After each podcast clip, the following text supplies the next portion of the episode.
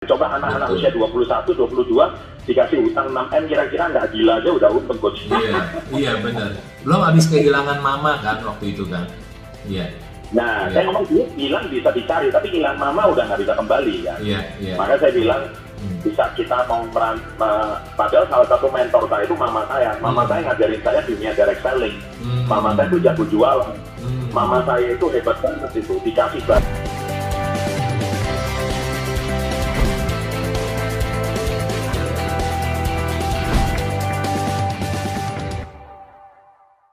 Sangat, eh, saya udah hampir eh, 25 tahun ya berkecimpung di industri Hmm. eh, pengembangan diri, bagaimana saya memberdayakan orang, Hmm.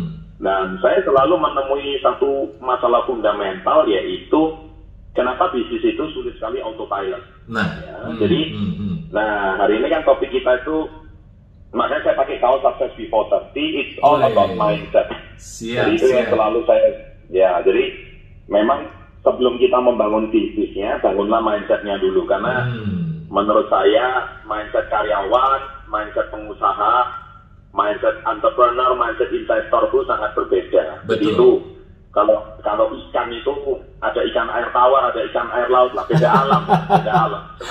Betul, betul banget, betul banget. Siap, siap. Ayo kita ngobrol-ngobrol ya sambil biar bermanfaat. Ngobrol-ngobrol santai sambil bermanfaat. Uh, Chandra, thank you so much. Uh, udah saling mau sharing di sini ya di Instagram. Saya juga paralelin ke Clubhouse. Jadi juga banyak yang dengerin di Clubhouse, Chan. Jadi sama-sama lah Ya. biar biar mereka bisa kita yang di Instagram juga bisa saling belajar, saling saling belajar lah sama-sama belajar ya. So jadi boleh Sama-sama. mungkin jelasin dulu seorang Chandra Putra Negara ini siapa? Banyak yang udah kenal tapi mungkin yang belum kenal boleh lah dijelasin gitu ya. Go ahead, silakan. Saya ini saya ini bukan siapa-siapa, cuma seorang suami. Aha. oh itu penting itu Sama suami. yang kedua saya cuma pedagang, pedagang pembalut sekarang lagi ngetren ya. Saya cuma pedagang pembalut. jadi Eh, jadi begini nih, Ya. banyak orang itu hmm. selalu berpikir bahwa wah bisnisnya keren ya. Apalagi zaman sekarang sosmed ya. Banyak orang-orang itu eh, suka eh, mau melakukan personal branding, tapi itu menurut saya ngawur ya. Aha, aha. ngawur itu artinya dia ngaku-ngaku bisnis yang gede, Ah. bisnis yang besar, eh, tapi eh, fake rich Hmm. gitu, fake Hmm. business gitu. Ah. Ya, dan sebenarnya apa sih sulitnya menulis dia seorang CEO eh, dari PT ABC, Ya. dia perusahaannya banyak begitu. Aha. Eh, dia cuma ingin diakui kalau dia hebat gitu. Hmm. Saya nggak tahu strateginya apa. Hmm. Eh, ujung-ujungnya ternyata seorang scammer ya. Nah, itu banyak banget. Makanya saya lebih baik Hmm. daripada saya ngaku-ngaku gitu. Saya lebih baik. Saya ini pedagang asongan, pedagang pembalut aja.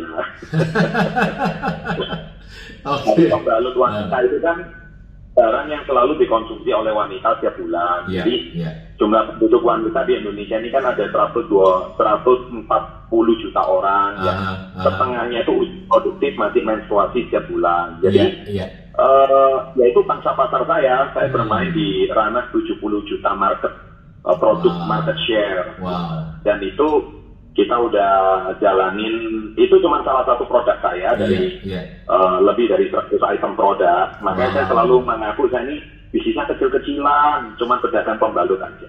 Nah, udah itu aja.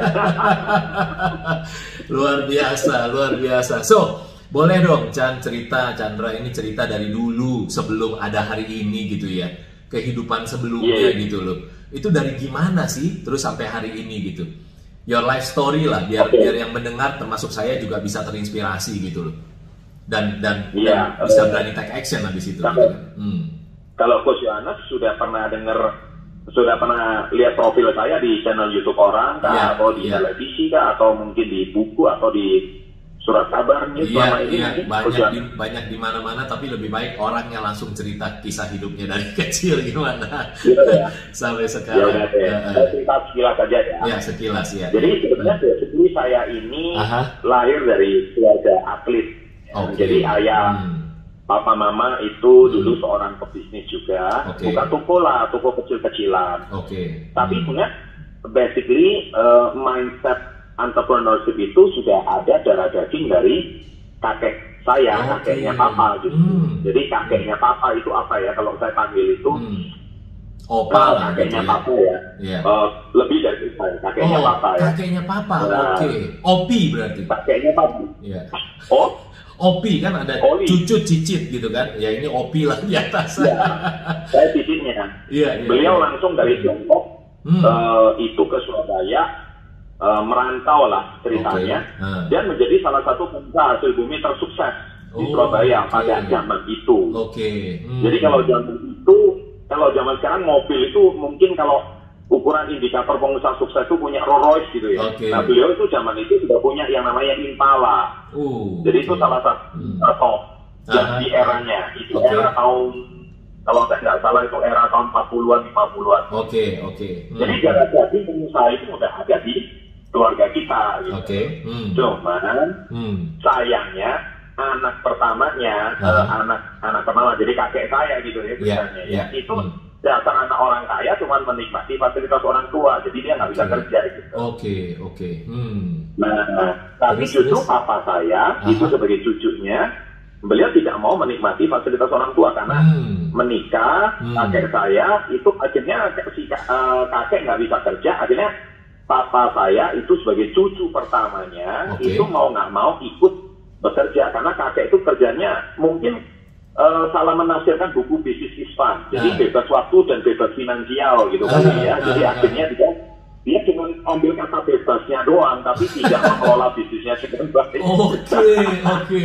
Itu generasi kedua berarti ya? Ya, generasi, kedua. Jadi papa saya generasi ketiga. Iya, Nah, akhirnya iya, iya. eh, bisnis eh, itu kan bisnis hasil bumi. Nah, Iya. bisnis hasil bumi itu Hmm. akhirnya trustnya itu jalan sampai di eranya papa saya. Tapi Oke. sampai di era papa saya, Hmm. eh, ya, setiap masa ada orangnya, setiap orang ada masanya ya. Iya. Kurang lebih gitu ya. Ha, ha. Setiap zaman ada orangnya. Jadi di zamannya papa saya ternyata tidak se- sebagus di eranya kakeknya. Sehingga mungkin papa saya juga struggling ya. Struggling, Hmm. tapi dia berusaha anaknya enam. Jadi saya ini punya enam saudara Oke. berjuang sebagai seorang pedagang hasil bumi Aha. yang minimal bisa membuat anaknya sekolah lah, gitu. Oke. Tapi bisnisnya gede-gede amat tidak. Aha. Nah, tapi dasar kita itu sudah punya DNA mindset orang-orang Hmm. sukses ya, Hmm. mungkin sudah turun temurun ya.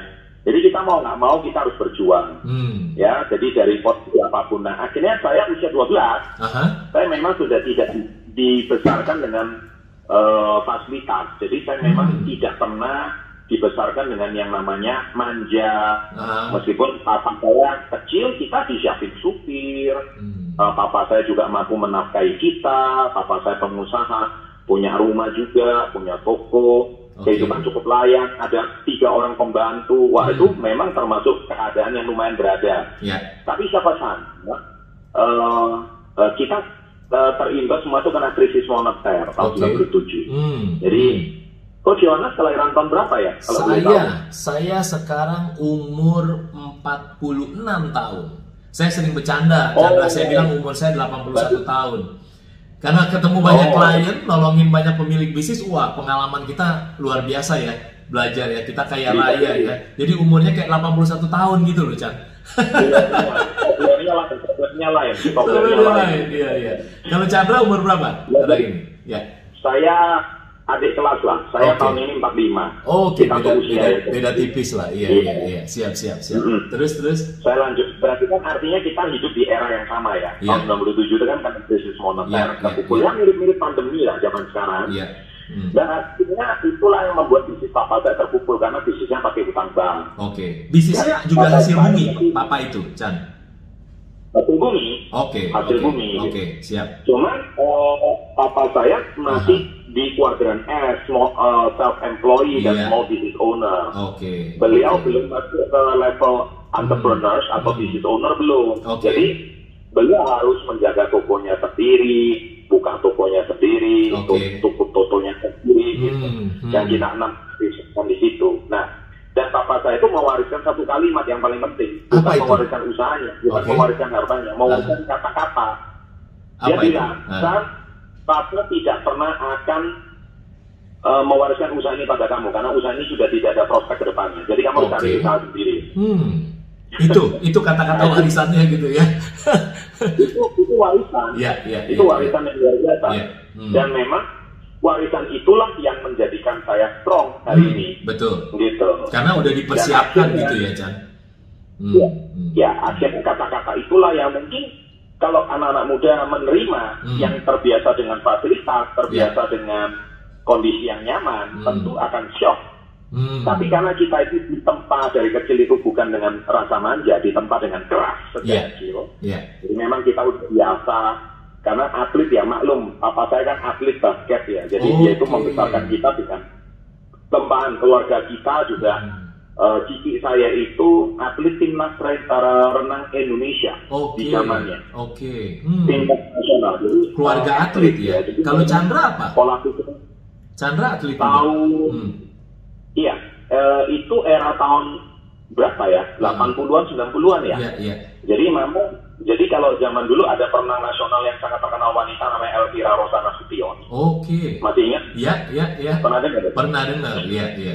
Jadi kalau atlet Indonesia ada empat, Hmm. itu salah satunya cici saya. Oh. Jadi oke. membawa panji merah putih, Hmm. eh, men- mengibarkan bendera muda merah putih di eh, negeri tetangga tuh. Jadi artinya betul-betul mentalnya kita udah biasa bangun jam 4 pagi. Jadi kalau Hmm. Sahabat muslim lagi eh, sholat subuh, kita juga bangun. Oke. Tapi mereka sholat subuh, kita berenang gitu. Iya, iya, iya. Jadi mau Wow. pulang ya sekolah seperti anak SD pada umumnya pulang SD sekolah bukannya tidur Iya. berenang lagi. Wow. Nah daily life kayak gitu.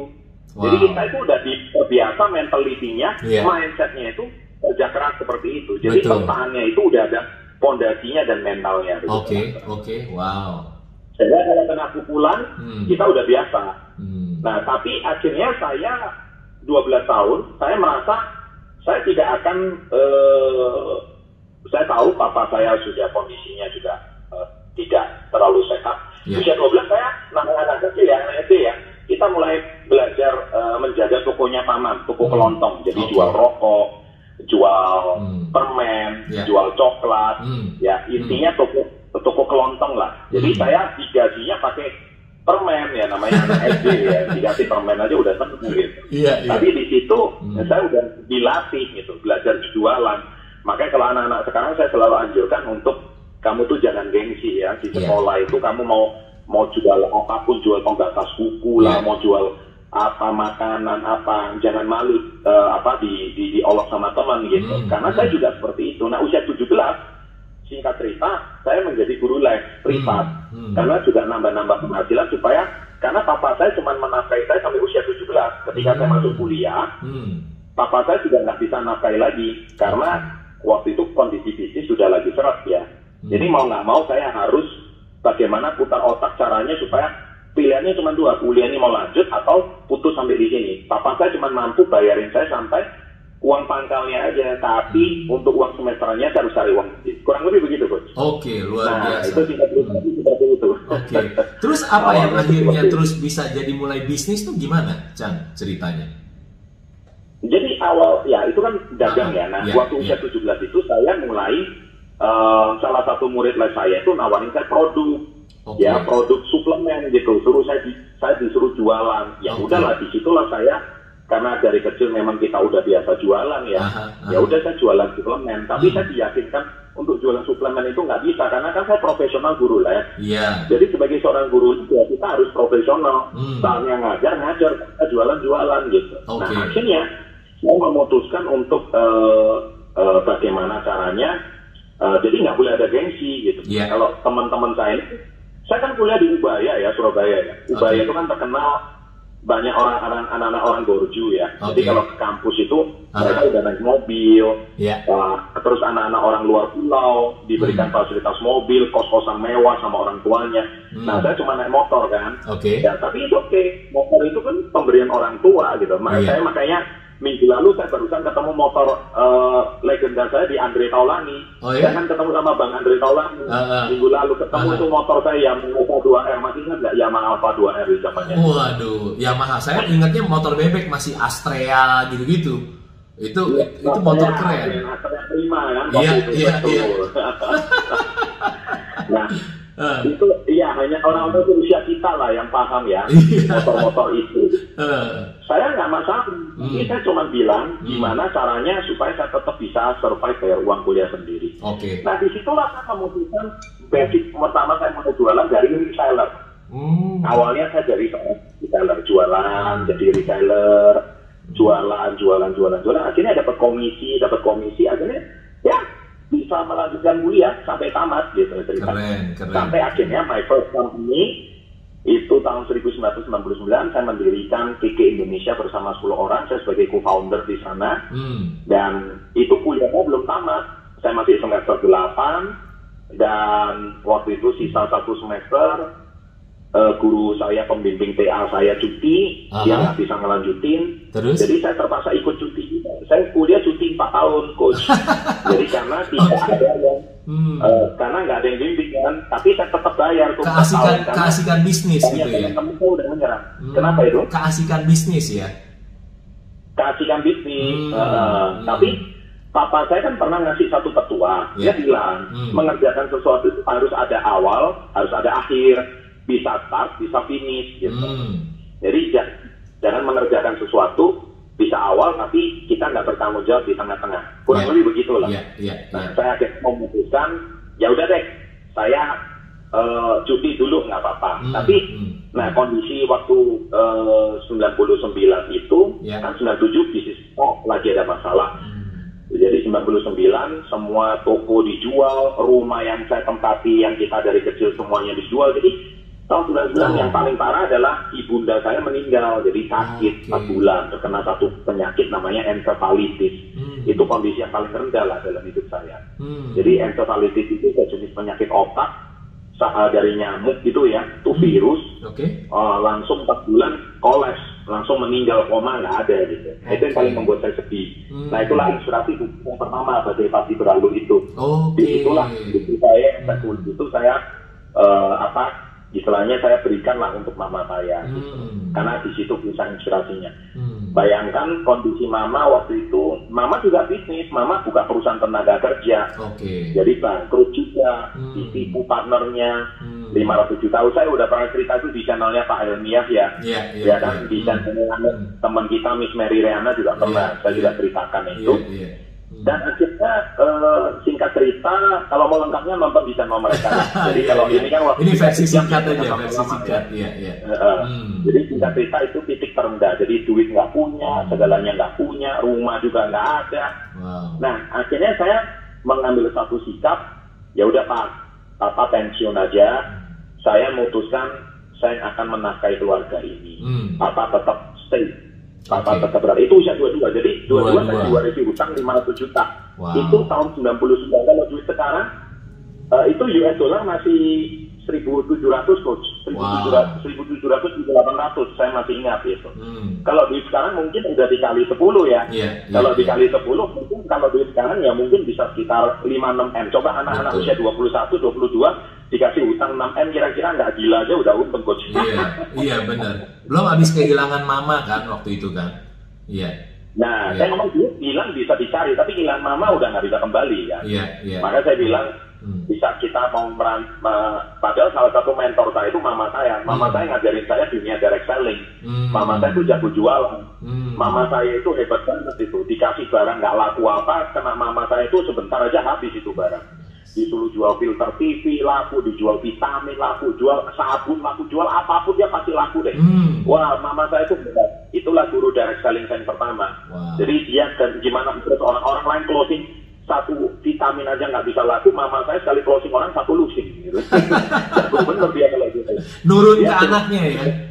Hmm. Nurun ke saya. Gitu. Iya, Tapi iya. Ilmu leadershipnya saya ngambil dari papa. Gitu. Oke. Ilmu sil- Hmm. ilmu sellingnya dari mama gitu. Oke. Karena mama di leadership lemah wanita ya mungkin ya. Iya. Eh, jadi leadership eh, knowledge-nya saya serap dari papa saya. Iya. Dari almarhum eh, kakeknya papa opanya, kak, papanya opa gitu. Hmm. Terus mama ilmu sellingnya wah kuat banget gitu. Nah akhirnya saya memutuskan untuk bagaimana ceritanya kita tetap survive bertahan. Nah hutang itu banyak, stres, rumah nggak punya. Dalam tiga setengah tahun hutang itu saya lunasi semua satu persatu. Hmm. Bahkan rumah yang dijual saya tebus kembali. Wow. Itu tingkat ceritanya awalnya. Wow. wow.